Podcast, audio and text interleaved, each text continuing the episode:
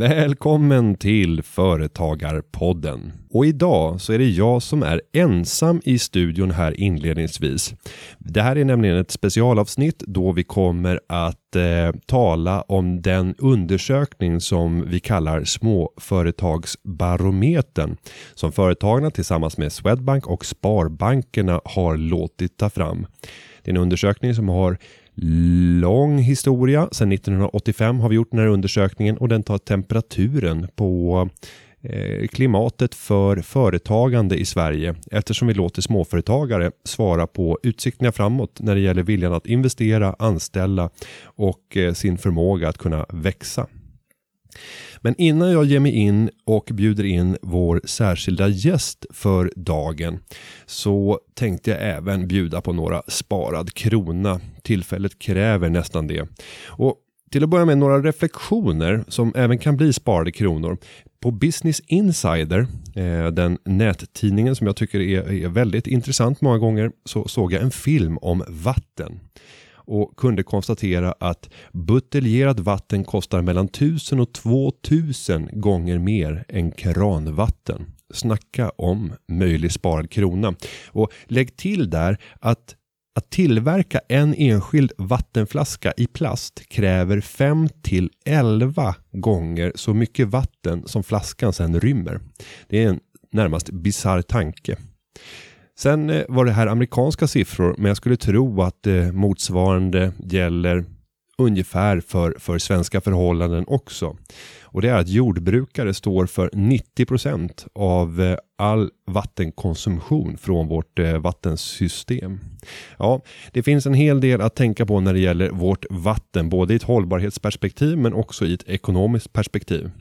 När vi pratar ekonomi så kan man även nämna att nu närmar vi oss den säsong som jag älskar matmässigt. Nu är det höst. Det innebär att man skördar rotfrukterna och det här har även Diana Vann reagerat på på eh, Twitter där hon konstaterar att rotfruktssäsongen är här och nu är det dags för sparad krona och göra kolpudding.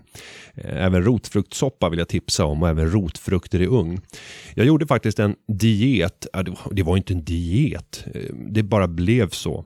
Eh, för att det råkade vara ett lågt pris. Jag tror att det var 50 öre, kronor, eller 50 öre per kilo för rotfrukter på en matbutik i Stockholm. Det här var väl snart tio år sedan jag stötte på det här erbjudandet, men det brukar dyka upp lite titt som tätt.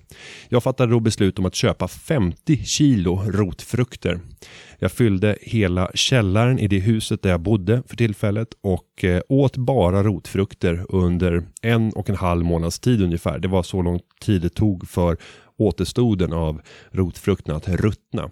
Och jag formligen rasade i vikt och då fick jag förklarat för mig att eh, det går inte att enkom med hjälp av, av rotfrukter öka i vikt för du kan aldrig äta den mängden som skulle behövas för att få i dig den energimängd som gör att du kan upprätthålla din nuvarande vikt. Däremot så kan jag avslöja att man blir inte helt gosig i magen. En del gaser eh, var resultatet av denna kraftiga rotfruktsdiet. Sen har jag fått ett annat tips om sparad krona från en herre på Twitter som heter F. Smed som skriver så här. Mitt bästa spartips. Ha inga vänner. Vänner vill fan jämt bränna stålar. Pizza, öl, kaffe och så vidare. Hashtag sparad krona. Ja, jag vet inte riktigt om jag står beredd att eh, ta rygg på F. Smed, men nog är det så att eh, livet kostar på och så även med vänner. Jag brukar ju resa runt i Sverige och senaste veckan har jag verkligen gjort så. Jag har gjort stopp i nio olika platser i Sverige från Umeå i norr ner till, ja det är inte så imponerande i och för sig, Göteborg i söder, men väldigt mycket däremellan och jag kommer till sydligare breddgrader lite senare under hösten.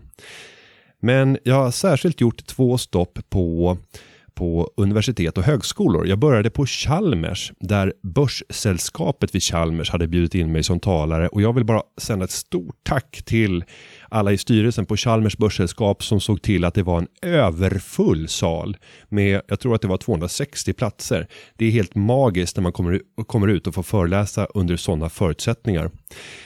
Då presenterade jag även företagarnas helt färska erbjudande till studenter. Eh, vi har tagit fram ett studenterbjudande helt enkelt som gör att man kan bli medlem även om man inte har ett företag men drömmer om att i framtiden starta ett företag. Så det studenterbjudandet eh, som man hittar på företagarna.se student eh, körde jag där på plats och jag lockade även med någonting. En inspirationslunch med mig själv. Dan, dan, dan. Eh, ja, det här var ett extra pris som man kunde vinna om man blev medlem på plats och nu har det blivit dags att eh, utse en vinnare. Vi har gjort en dragning med eh, Lotteriinspektionens överinseende eller överseende och vinnaren är Isak Unfors. Grattis! Eh, så att vi får planera in en inspirationslunch eller vad du vill nyttja den här lunchen till. Jag eh, bjuder på lunchen och den kan ske i Göteborg i förekommande fall om jag är på plats. Eh, men företrädesvis i Stockholm om du råkar komma hit vid tillfälle. Sen gjorde jag även motsvarande föreläsning uppe i Umeå. Då var det unga aktiesparare som stod för arbetet med att bjuda in och genomföra aktiviteten och likadant där. En överfull sal, en lika glad Günther och eh, ett eh, likaledes erbjudande till studenterna om att inträda som studentmedlemmar. Och det var, det var det många som gjorde. Och den som vinner en inspirationslunch där, det är Rebecka Lindmark. Stort grattis! Och den lunchen sker med fördel i Stockholm. Eh, jag brukar nämligen inte så ofta vara i Umeå, det är en gång i halvåret ungefär. Men faktum är att jag kommer ganska snart igen. Den 21 september så åker jag till Umeå för att delta i evenemanget Misstagens Mästare. Och det är ett tips till alla lyssnare. Misstagens Mästare är ett evenemang där vi bjuder in intressanta entreprenörer som berättar om sin framgångsresa men tar sikte på alla misslyckanden som de har haft längs vägen. Vi får ofta bilden av att eh, framgångsrika personer har haft en spikrak karriär och att allting har utvecklats i den perfekta raka riktningen mot himmelen. Men i själva verket så är nästan alla framgångsrika karriärer fyllda av misslyckanden som i sig sedan har lett fram till erfarenheter, kunskaper som gjort att man har lyckats. Misstagens mästare arrangeras då delvis i Umeå den 21 september men även i Bålänge den 29 september och sen i Stockholm den 14 oktober. Om du vill gå på det här evenemanget som går av stapeln på eftermiddagarna så går du in på misstagensmästare.se utan prickar så kan man anmäla sig till, till eventet. Jag kommer även att delta på mängder av andra saker här framöver, bland annat vara talare på Sveriges Åkeriers kongress och jag kommer att vara med på Stora styrelsedagen i Eskilstuna närmsta veckan. Så det är några av stoppen som jag kommer göra runt om i Sverige närmsta tiden. Men nu har det blivit dags att bjuda in vår gäst för dagen. Och Det är ett samtal som jag har haft med eh, Swedbanks företagsekonom där vi har gått igenom småföretagsbarometern och tittat på hur står det egentligen till i Sveriges ekonomi och hos eh, företagare och då särskilt småföretagare. Så här kommer det samtalet. Varsågoda. Då sitter jag här med eh, Fredrik Jutenäs som är företagsekonom på Swedbank. Välkommen! Tack så mycket Günther! Och jag måste börja med att ställa frågan, vad gör en företagsekonom på en bank? Ja, jag är talesperson för banken i företagsfrågor. Så att eh, det är två saker kan man väl säga som är mest väsentliga. Ehm, jag gräver i företagsfrågor, eh, kollar med företagare. Det kan vara företagskunder, eh, det kan vara branschorganisationer. Vad är det för frågor som är viktiga för, för att man ska göra business? Ehm, jag tar med mig det in i banken eh, för att se och diskutera med mina kollegor. Vad kan vi förbättra som bank? Vi är ju stora så att vi kan ju påverka mycket vi, alltså, politikerna lyssnar på representanter från, från Swedbank och eh, kunderna vill känna igen sig. Det är den ena delen. Ja, och du ska snart få, få berätta om den andra delen, för det antar jag finns då. Och jag ska ju säga att du har ju en delad arbetsgivare. Du har ju både Swedbank och Sparbankerna eh, som, eh, som arbetsgivare. Men du sa att det även finns, finns en andra del. Vilken är den? Jo, det är att komma ut i, i media, alltså komma ut med budskap. Eh, det jag får till mig när jag lyssnar in, bearbetar i banken och sen försöker jag komma ut att de här frågorna tycker vi är viktiga. Här finns behov för att företagarna ska bli bättre. Eh, så att det är två delar. Lyssna in företagarna, föra samtal och den andra delen, ut med budskap i företagsfrågor.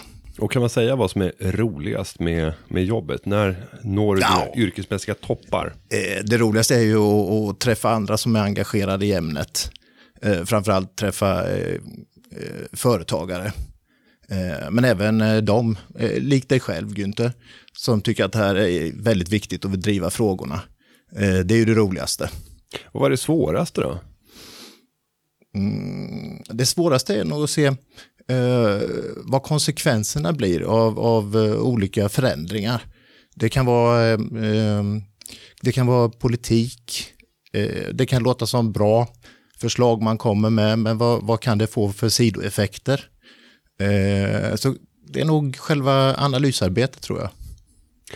Ja, och eh, apropå analysarbete så tänkte jag att vi nu ska gå vidare och Eh, gå in på huvudtemat för dagens sändning. Det är ju nämligen så att eh, företagarna tillsammans med Swedbank och Sparbankerna har släppt småföretagsbarometern. Det är en undersökning som har kommit sedan 1985. Den finns att ladda ner på swedbank.se och företagarna.se och eh, rapporten visar upp ett resultat där 4000 företagare har fått svara på frågor om dåtid men framförallt om framtid och när det gäller förväntningar om, om sin egen eh, Eh, sitt eget agerande inför framtiden. Genom att ställa den typen av frågor så kan man också mäta hur eh, förutsättningarna ser ut i ekonomin och också kunna göra prognoser för hur det troligtvis kommer att utvecklas framöver. Och om ni eh, vill ha rapporten framför er så är det bara att gå och ladda ner den nu. I övrigt så kommer vi kommentera rätt mycket utanför rapporten. För det som står i rapporten kan man själv läsa sig till. Så jag tänkte att vi tar en, en diskussion också runt omkring. Men vi måste börja med det övergripande resultatet. Och där pratar vi om den här konjunkturbarometern. Vad kan vi säga? Hur ser läget ut för eh, svenska företagare i dagsläget? Eh, jag tycker det följer mycket väl det vi ser om, om Sverige överhuvudtaget och vi får till oss. Alltså vi har solida eh, statsfinanser, eh, en stark arbetsmarknad, eh, vi har ett näringsliv, duktiga företagare som är, är konkurrenskraftiga. Och eh, det tycker jag att vi ser även i småföretagsbarometern när företagarna själva får uppge hur de känner. Eh, man lever i en stark konjunktur. Det tycker jag känns som det övergripande positiva. Och vi ser också när vi mäter det i reella termer att det är ett ganska stort lyft i förhållande till föregående år. Eh, vi är uppe på ett, ett indexvärde som är, är 80 eh, när det gäller konjunkturen som helhet när vi frågar småföretag. Och för att sätta det i perspektiv så är det ett, ett rejält lyft från, från föregående år. Så det verkar som att vi trendar bra. Eh, vågar man eh, lita på att det här betyder att vi kommer få fortsatt stark ekonomi i Sverige? Ja, eh, sen finns det ju saker som man kan känna att, eh, lite oro kring. Eh, exportföretagen eh, har ju gått väldigt bra den här perioden. Eh, kronan har varit svag, det har varit relativt billigt att köpa ifrån oss. Vi har varit duktiga, eh, inte minst fordonsindustrin. Eh, nu kanske det tar emot lite. Omvärlden är inte riktigt på hugget ekonomiskt, precis som vi är i Sverige. Och det är klart, det är där vi ska sälja. Ehm, så jag tror att det är viktigt med den eh, inhemska konsumtionen, att det fortsätter. Men eh, kanske lite dämpat. Men jag tror fortfarande på att vi kommer att ha en uppgång. Och apropå den inhemska konsumtionen så är det en väldigt viktig för, för svensk tillväxt och tittade vi här på senaste siffrorna så steg eh, även hushållens skuldsättning med 8 procent. och samtidigt ser vi en positiv utveckling för konsumtionen. Men det här känns ju inte riktigt bra när hushållen fortsätter att skuldsätta sig i hög utsträckning samtidigt som vi ser att konsumtionen stiger. Det är lite amerikanskt scenario. Ja, men det, det är riktigt. Du, du pekar på någonting som är väldigt viktigt här, just skuldsättningen. Eh, nu försöker man ju då med eh, förändrade amorteringsvillkor, vilket vi i banksystemet har varit på rätt mycket. Vi behöver skapa en amorteringskultur. Man kan inte bara låna, utan låna går ju ut på att man ska betala tillbaka. Eh, och det tycker jag är bra. Men samtidigt då så skenar ju, skulle jag vilja säga fortfarande, eh, priserna på bostadsmarknaden. Eh, jag tror man måste titta över till exempel ränteavdragen. Ehm, det är låga räntor, det kostar inte mycket att låna. Och, och, då kan det inte vara så pass subventionerat som jag tycker att ränteavdragen är idag till exempel. Men eh, om vi resonerar lite grann kring den frågan. Finns det inte en risk om man börjar skruva i eh, avdragen att vi skapar en asymmetri i systemet? För att om vi tittar på hur det ser ut idag så har man ju eh, även motsvarande på, på ränteintäkter så ja, betalar man skatten rätt. och sen får du tillbaka om du har ränteutgifter och så nettar man ut det där. Om man börjar skapa skevheter och säga att du får inte göra avdrag på räntekostnader men du ska betala när du har ränteintäkter blir inte det problematiskt? Mm. Jo, men jag, jag, jag delar det. Men jag tycker eh, icke förty att man ändå ska måste ta i den där frågan lite mer. Just nu känner jag från politikers håll att eh, nej, men det där tar vi inte i. Och jag tror att man behöver sätta sig ner och, och verkligen ta ett omtag där. Eh, du har reavinstbeskattningen också naturligtvis så håller vi oss till hushållssektorn och bostäder så eh, det blir en inlåningseffekt där. Jag, jag tror man måste titta över hur skattesystemet fungerar utifrån bostadsfrågan. Men nu ska vi inte fastna för mycket i hushållen, men om vi går över till företagen och tittar mm. på på lånen, låneökningstakten när det gäller företagen sker ju inte alls i samma utsträckning och tittar vi sen finanskrisen fram till idag så ligger företagen inte stilla men, men det är en svag svag ökning sen finanskrisen fram till idag när det mm. gäller de totala skulderna hos Sveriges företag samtidigt som de har vuxit. Mm. Och det är det där som gör mig lite orolig när jag ser att hushållens skulder skenar men företagens skulder ja de står närmast stilla ökar något. Och då börjar jag fundera över vad är det som olika skulder skapar? Ja, hushållens skulder det skapar att man köper ännu dyrare bostäder och man kanske köper nyare och dyrare bilar eh, och annan typ av konsumtion. När det gäller företagen, ja, men då är ju lån till oftast för att man vill göra investeringar mm. för att kunna växa, för att kunna leverera någonting mer, kunna anställa, mm. ta marknadsandelar. Och när den delen inte växer så känns det som att det är inte det är inte speciellt sund eh, kultur som byggs upp och, och, även för bankerna så borde det vara mm. förenat med, med, med, högre risker. Även om vi tycker att bostadskrediterna inte normalt sett har så hög risk. För det är mm. väldigt sällan man gör kreditförluster. Mm. Betydligt mm. högre sannolikhet på företagssidan. Men vilket lån skapar egentligen nytta för samhället? Mm. Hur resonerar ni i banken när ni tittar på, på den frågan? Mm. Ja, nej men det är riktigt. Det, det, gäller att ha balans i den. Man kan väl säga så här att efter finanskrisen då så eh, har det kommit mycket mer av regleringar i, i banksektorn. Eh, och kapitaltäckningsregler som man säger, alltså vi ska spara mer av, av det kapital vi tjänar. Eh, låna ut mindre är väl inte egentligen förutsättningen, men det ska vara säkerställt ordentligt. Och det är klart att till viss del kanske vi i banksystemet slickar såren Eh, och vi behöver vara enligt reglerna mycket mer noggranna Eh, och det måste finnas en, en återbetalningsförmåga hos eh, företagarna. Och det är klart, det där är inte helt lätt. Eh, en sak som jag tror att vi kommer in på lite mer är ju just att, att eh, stabiliteten och osäkerheten i att driva företagande där måste, måste ske bättre och få stabilisera eh, spelreglerna. Men vi, vi har pengar i banksystemet, eh, men jag möter också företagare som vill avvakta lite. För man, eh, ja, vi ser lite vad det tar vägen. Man ser uppgången, men man vill ha den mer stabil. Eh, så jag skulle vilja säga att det finns pengar att låna ut. Sen måste vi ju nå varandra, eh, företagarna och banken, lite bättre än vad vi gör idag. Eh, när vi tittar i småföretagsbarometern så ser vi att det fortfarande finns en, en rädsla och en oro för generella skattehöjningar. Mm. Det finns också fortfarande med en parameter av eh, rädsla för politisk instabilitet.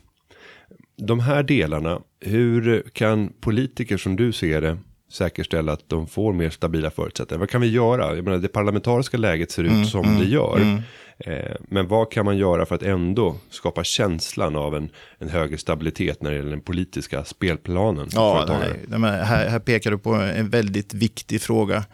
Eh, Det som har pågått nu och och de senaste åren utifrån förändringar till exempel i RUT och ROT. eh, Och nu pratar vi om, om vinstuttag, begränsningar inom, inom vinsterna för vård och omsorg till exempel. Alltså, eh, jag hoppas ju starkt och, och det ger ju även företagarna uttryck för i småföretagsbarometern att man stabiliserar de här spelreglerna, talar om ifrån politikernas sida att ja, nu gäller det här ett antal år framåt, så man vet förutsättningarna. Du var ju inne också på utifrån eh, finansieringsfrågan. Eh, det här gör det ju svårare för oss i banken med att bedöma de här företagen som lever enligt de här villkoren. Eh, som sagt, de måste ha ett återbetalningsförmåga. Och det är klart, ska vi låna ut pengar så måste vi också kunna ta ställning till och bedöma hur ser det ut framåt. Och det kan vara svårt för företagaren då, utifrån att inte spelreglerna på, på marknaden är stabila. Och om vi går tillbaka till rapportresultatet i småföretagarbarometern så kan vi se för sysselsättningen när vi har ställt frågor. Så säger nästan var fjärde företagare att man har ökat sin personalstyrka under de senaste 12 månaderna. Det här verkar ju ändå positivt och antyder att vi har en, en rätt bra jobbtillväxt. Ehm, Är det här den bild som, som du själv har när du reser runt ute i Sverige och träffar företagare? Mm, jo, men det måste jag säga. Eh, det var jag glad över att, det, att man såg det, för det, det stämmer med min bild också. Eh, det går bra och eh, man ökar i, i sysselsättning. Eh, det som hämmar den där, det är ju eh, bristen på lämplig arbetskraft, kan man väl säga. är det- Kompetensförsörjning. Och är det bristen eller är det svårigheten att hitta? För att det, är, det är två olika åtgärder som behövs. Mm. Ja. Om, om man ska lösa en brist eller om man ska lösa en, en, ett matchningsproblem. Ja, nej, det, det är helt rätt. Jag tror, jag tror att vi har två delar i det. Men just eh, matchningsproblematiken som du är inne på, eh, som inte minst jag tycker ni från Företagarna har drivit också väldigt bra och starkt. Eh, det måste bli bättre. Och tittar vi på utsikten nu framåt så kan vi konstatera att eh, ordertillväxten fortsätter att eh, stiga om än i måttligare takt.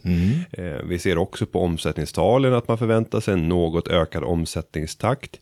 Men fyra av tio företagare anger i småföretagsbarometern att man har tackat nej till uppdrag till följd av att man inte har haft eh, kapacitet att, att leverera på det. Och där kommer vi förmodligen tillbaka på den här frågan om att man inte hittar rätt personal för att kunna leverera på, på sitt löfte mot, mot kunden. Eh, Hur, hur allvarligt är det här att man säger att fyra av tio har sagt nej till, till uppdrag som har kommit in? Mm, jag tror eh, det, det är två delar. Det ena är att eh, det går bra nu. Eh, och man kan uppleva att man har en, kapacitetsbrist eller att man inte orkar med riktigt. Eh, och det kanske inte är så konstigt när, när det, det går bra att man känner det. Eh, det farliga är ju där att, eh, att man inte hittar arbetskraft som man behöver. Ja, det blir ju tillväxthämmande. Och att det är så många som ger uttryck för det i småföretagsbarometern sänder ju signalen att här finns det mer att göra. Så med en bättre matchning så hade, är din uppfattning att färre hade behövt tacka nej till orders? Ja, det är det. Men, men om jag ska provocera lite grann och säga så här att jag tror att fler företag skulle behöva lära sig att tacka nej till orders för att istället fokusera på de man har och kunna utvinna ett större värde, kanske kunna klättra ytterligare i värdekedjan och kunna höja sina priser. För när jag är ute och möter företag så ser jag oftast en, en imponerande omsättning, men det är färre gånger som jag ser att lönsamheten är på imponerande tal. Alltså min analys där är att många småföretagare är dåliga när det kommer till att prissätta sig på ett eh, bra sätt. Man ligger generellt sett för lågt i sin prissättning och tvingas därmed jobba väldigt mycket och blir närmast utsliten för att man får så mycket jobb. Eh, Gör du samma observation när du är ute och träffar företagare? Mm, ja, kanske inte riktigt så generellt, men, men visst finns den där. Och, och det tror jag också är lite av ett mänskligt beteende. Det är svårt att tacka nej. Eh, det är lättare att, att välja till än att välja bort. Eh, så det ligger någonting i det och eh, ta diskussionen utifrån eh, högre pris eh, mot sin part. Eh, det kanske är svårare än att ta en order till. Och eh, då kan det nalla på lönsamheten. Eh, sen ser vi ju för sig i småföretagsbarometern att eh, fyra av tio eh, känner ju en, en eh, förbättring i lönsamheten. Eh, så det kanske talar lite emot det då. Men eh, jag tycker som sagt att man skulle jobba mer med, med prissättningen. Där tycker du har rätt. Eh, och just när vi säger att fyra av tio ser förbättrad lönsamhet. Det betyder ju att det är sex av tio som inte ser förbättrad lönsamhet. alltså oförändrad eller, eller negativ. Så, så att jag hade ju velat se majoriteten där för att man skulle känna sig riktigt betryggande i att det, det är en fin utveckling. Ja, du har poäng där. Men om vi går tillbaka och tittar på utsikterna framåt så verkar det inte vara någon pessimism direkt hos eh, företagen. Det är nämligen så att sju av tio Eh, anger att man har goda utsikter för att kunna fortsätta expandera sin, sin verksamhet och tillväxtmöjligheter framåt. Eh, det här är ju väldigt fina siffror och en väldigt hög optimism. Jag blir lite rädd när jag ser en så optimistisk eh, skara av eh, företagare. Du känner att det, det nästan blir för bra, eller? Ja, för att eh, jag vet ju hur det brukar vara. Det är Ja. ju precis innan det vänder som alla är som mest optimistiska. Ja. Jag menar, så, när solen står på topp så kommer den att börja dala. Mm. Och, och det är lite de där tecknen som jag, jag känner just nu när, jag, när jag tittar på det. Jag fick också höra rapporter om kläd och skoförsäljningen i Sverige som ökade med 15 respektive 12 procent i augusti. Sen ska man lägga till att augusti förra året var en extrem månad. Jag vet inte om ni kommer ihåg det, men det var ju eh, sol närmast varje dag i stora delar av hela Sverige. Eh, och det är klart att det slår mot handeln för att det blev som en förlängd sommar som bara fördröjde höstförsäljningen. Så att visst, det, det är märkliga jämförelsetal vi jobbar mot, men det är en extrem ökning att från ett år till ett annat i en augusti månad ökar så kraftigt. Och allt sånt här antyder någonstans att vi är på optimismens topp. Jag, jag, jag känner mig skeptisk framöver. Eh, hur- Hur är din känsla? Trots att den här rapporten liksom pekar på att nej, men det kommer gå riktigt bra för Sverige den kommande tiden. Mm, jo, men jag, alltså jag, jag tycker eh, du gör en bra reflektion.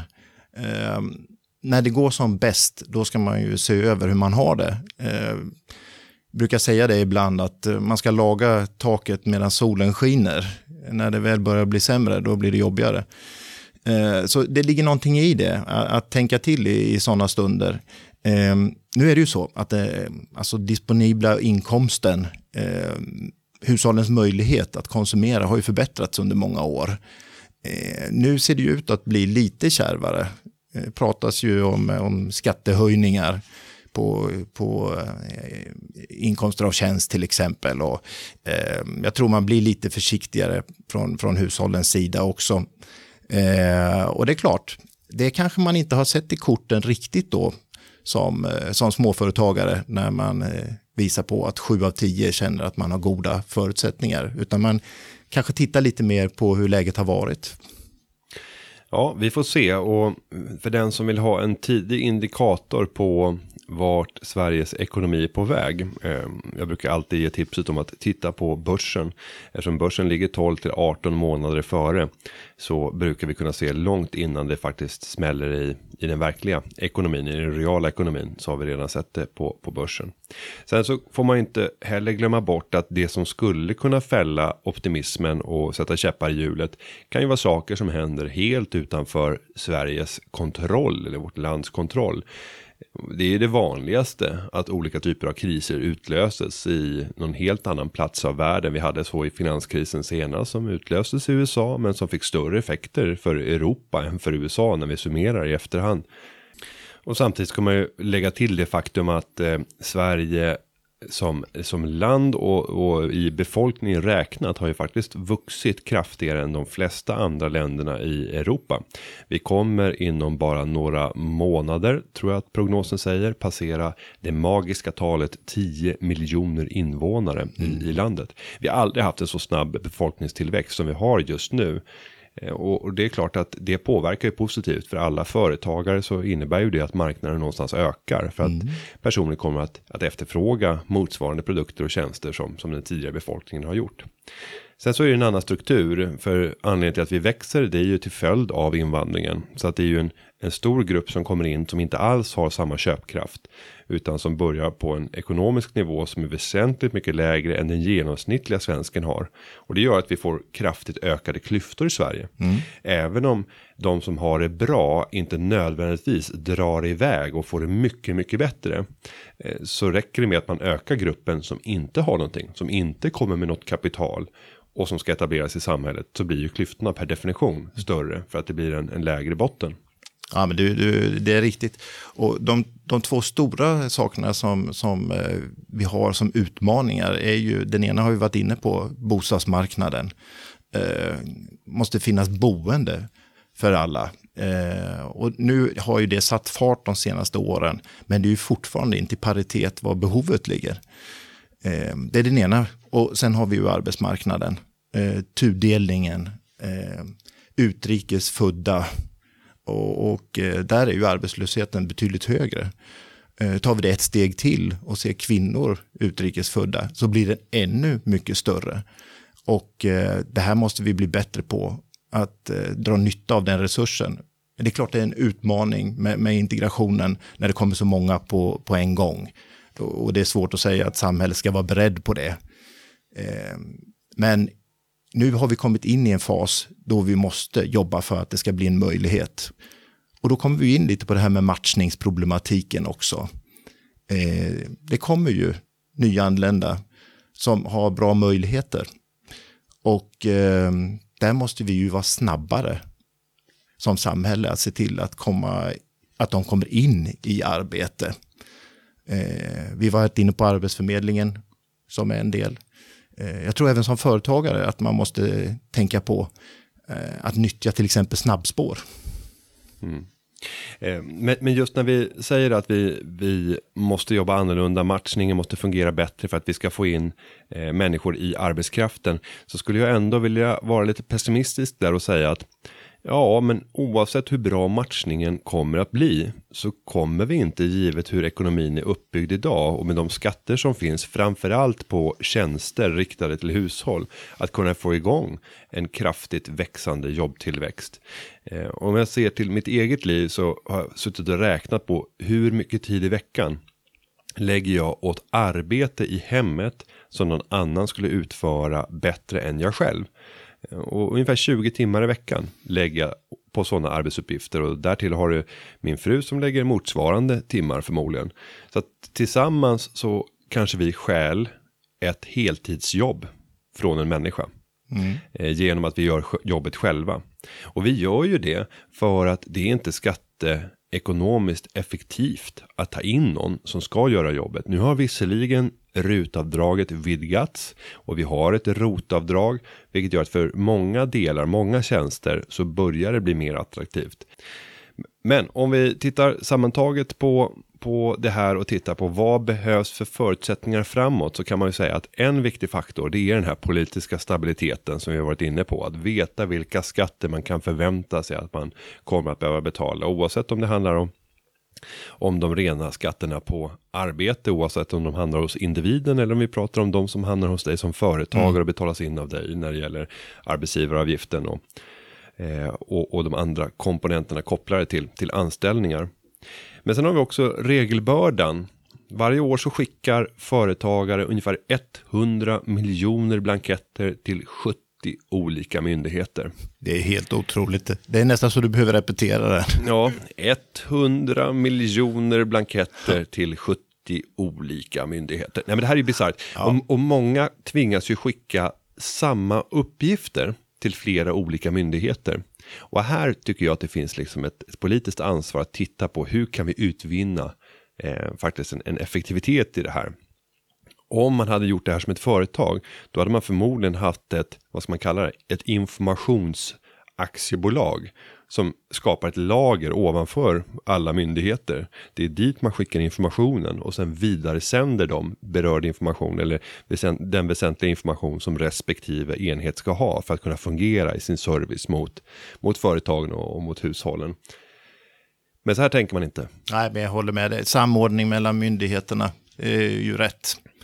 Och eh, regelbördan är ju för stor. Eh, och det ser vi ju också i eh, jämförelse med, med andra länder när de studierna görs. Att vi har en för tung regelbörda. Så att du är inne på någonting som är riktigt rätt att ta tag i. Om vi nu ska summera småföretagsbarometern så kan vi säga att det ser ljust ut för, för Sverige. Eh, småföretagen är optimistiska och det borgar för att vi kommer få en fortsatt fin utveckling under det kommande året. Men glöm heller inte att eh, både jag och Fredrik har höjt några varningens finger. Dessutom så ska jag säga att vi presenterade den här rapporten eh, tillsammans med ett antal eh, eh, storartade gäster som, som deltagare. Vill du berätta om några som var på plats när vi gjorde rapportsläppet? Ja, jag tycker det var jätteroligt och, och det ger ju hopp Günther, om att eh, man tar till sig det som vi driver, våra frågor, att företagande är viktigt.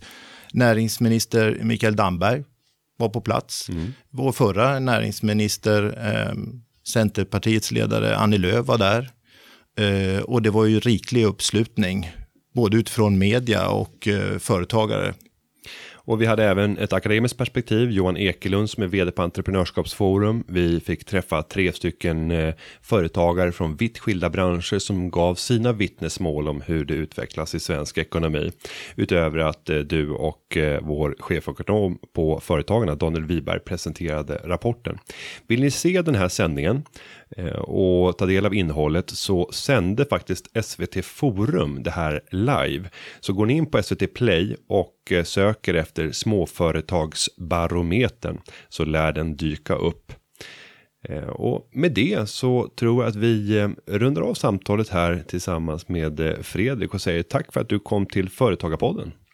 Tack så mycket Günther och jag kommer gärna igen. Det var väldigt roligt och jag delar din uppfattning roligt att småföretagarna tycker att det ser positivt ut. Men tänk också på att eh, rätta, eh, rätta in dig utifrån att det kan bli lite svårigheter framåt. Mm, tackar, tackar. Ja, då är det jag, Günther Mårder, som är tillbaka här ensam i studion igen. Innan vi avrundar det här avsnittet av Företagarpodden så tänkte jag återkoppla till en kommentar som har kommit in på Twitter under hashtag Företagarpodden där du som lyssnare kan interagera med programmet. Och det är Jakob Eriksson som går under namnet Main Home AB som kommenterar med anledning av förra veckans avsnitt där vi talade just om den hemmafixartrend som har förstärkts efter att rotavdraget har fallit i attraktion. Och han skriver så här. Om vi ska bryta Ernst Kirchsteiger-trenden är väl sänkt moms för tjänster mer effektivt än rot och rutavdrag? Och ja, man kan väl tycka och tänka att eh, en avskaffad moms på den här typen av tjänster skulle vara en effektiv åtgärd. Men man måste också förstå att att eh, det får andra typer av konsekvenser om de företag som säljer tjänsterna inte får fakturera med moms så ändras också balansen och förutsättningarna för eh, deras ekonomi eftersom företaget får dra av momsen på inköp om det är så att man har sålt och fått in momspengar på det sättet. Så att momsen ska ju balansera och bara drabba slutkonsument. Och då blir ju indirekt företaget slutkonsumenten om man har avskaffat eh, momsen mot den som köper ROT eller RUT-tjänster istället. Så att det får en annan effekt än ROT och RUT-avdraget där vi får dra arbetskostnaden. Dessutom så skulle en avskaffad moms på den här typen av tjänster också kunna vara eh, lite komplicerad om vi pratar om vad som är arbete eller vad som är eh, produktinnehåll. Eh, detsamma gäller ju för ROT och RUT-avdraget och särskilt ROT-avdraget så är det komplicerat idag eftersom det är bara arbetskraftskostnaden som man får dra av även i ROT-avdraget. Och där blir det ju väldiga komplikationer eftersom eh, arbetet rymmer mängder av andra komponenter som inte är det direkta arbetet som berättigar till, till ROT. Eh, samma sak skulle ju gälla även om vi hade moms eh, och vi drog bort momsen för, för tjänster.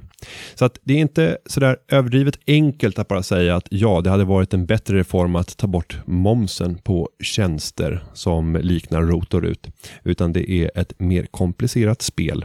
Mycket hänger samman. Med det så säger jag att eh, Företagarpodden har klippts av Kim Linkrus. Och vi hörs igen nästa vecka. Ha en riktigt bra vecka. Hej så länge! Företagarna. Ja, ja, ja, ja, ja, ja. Företagarna. Ja, ja, ja, ja.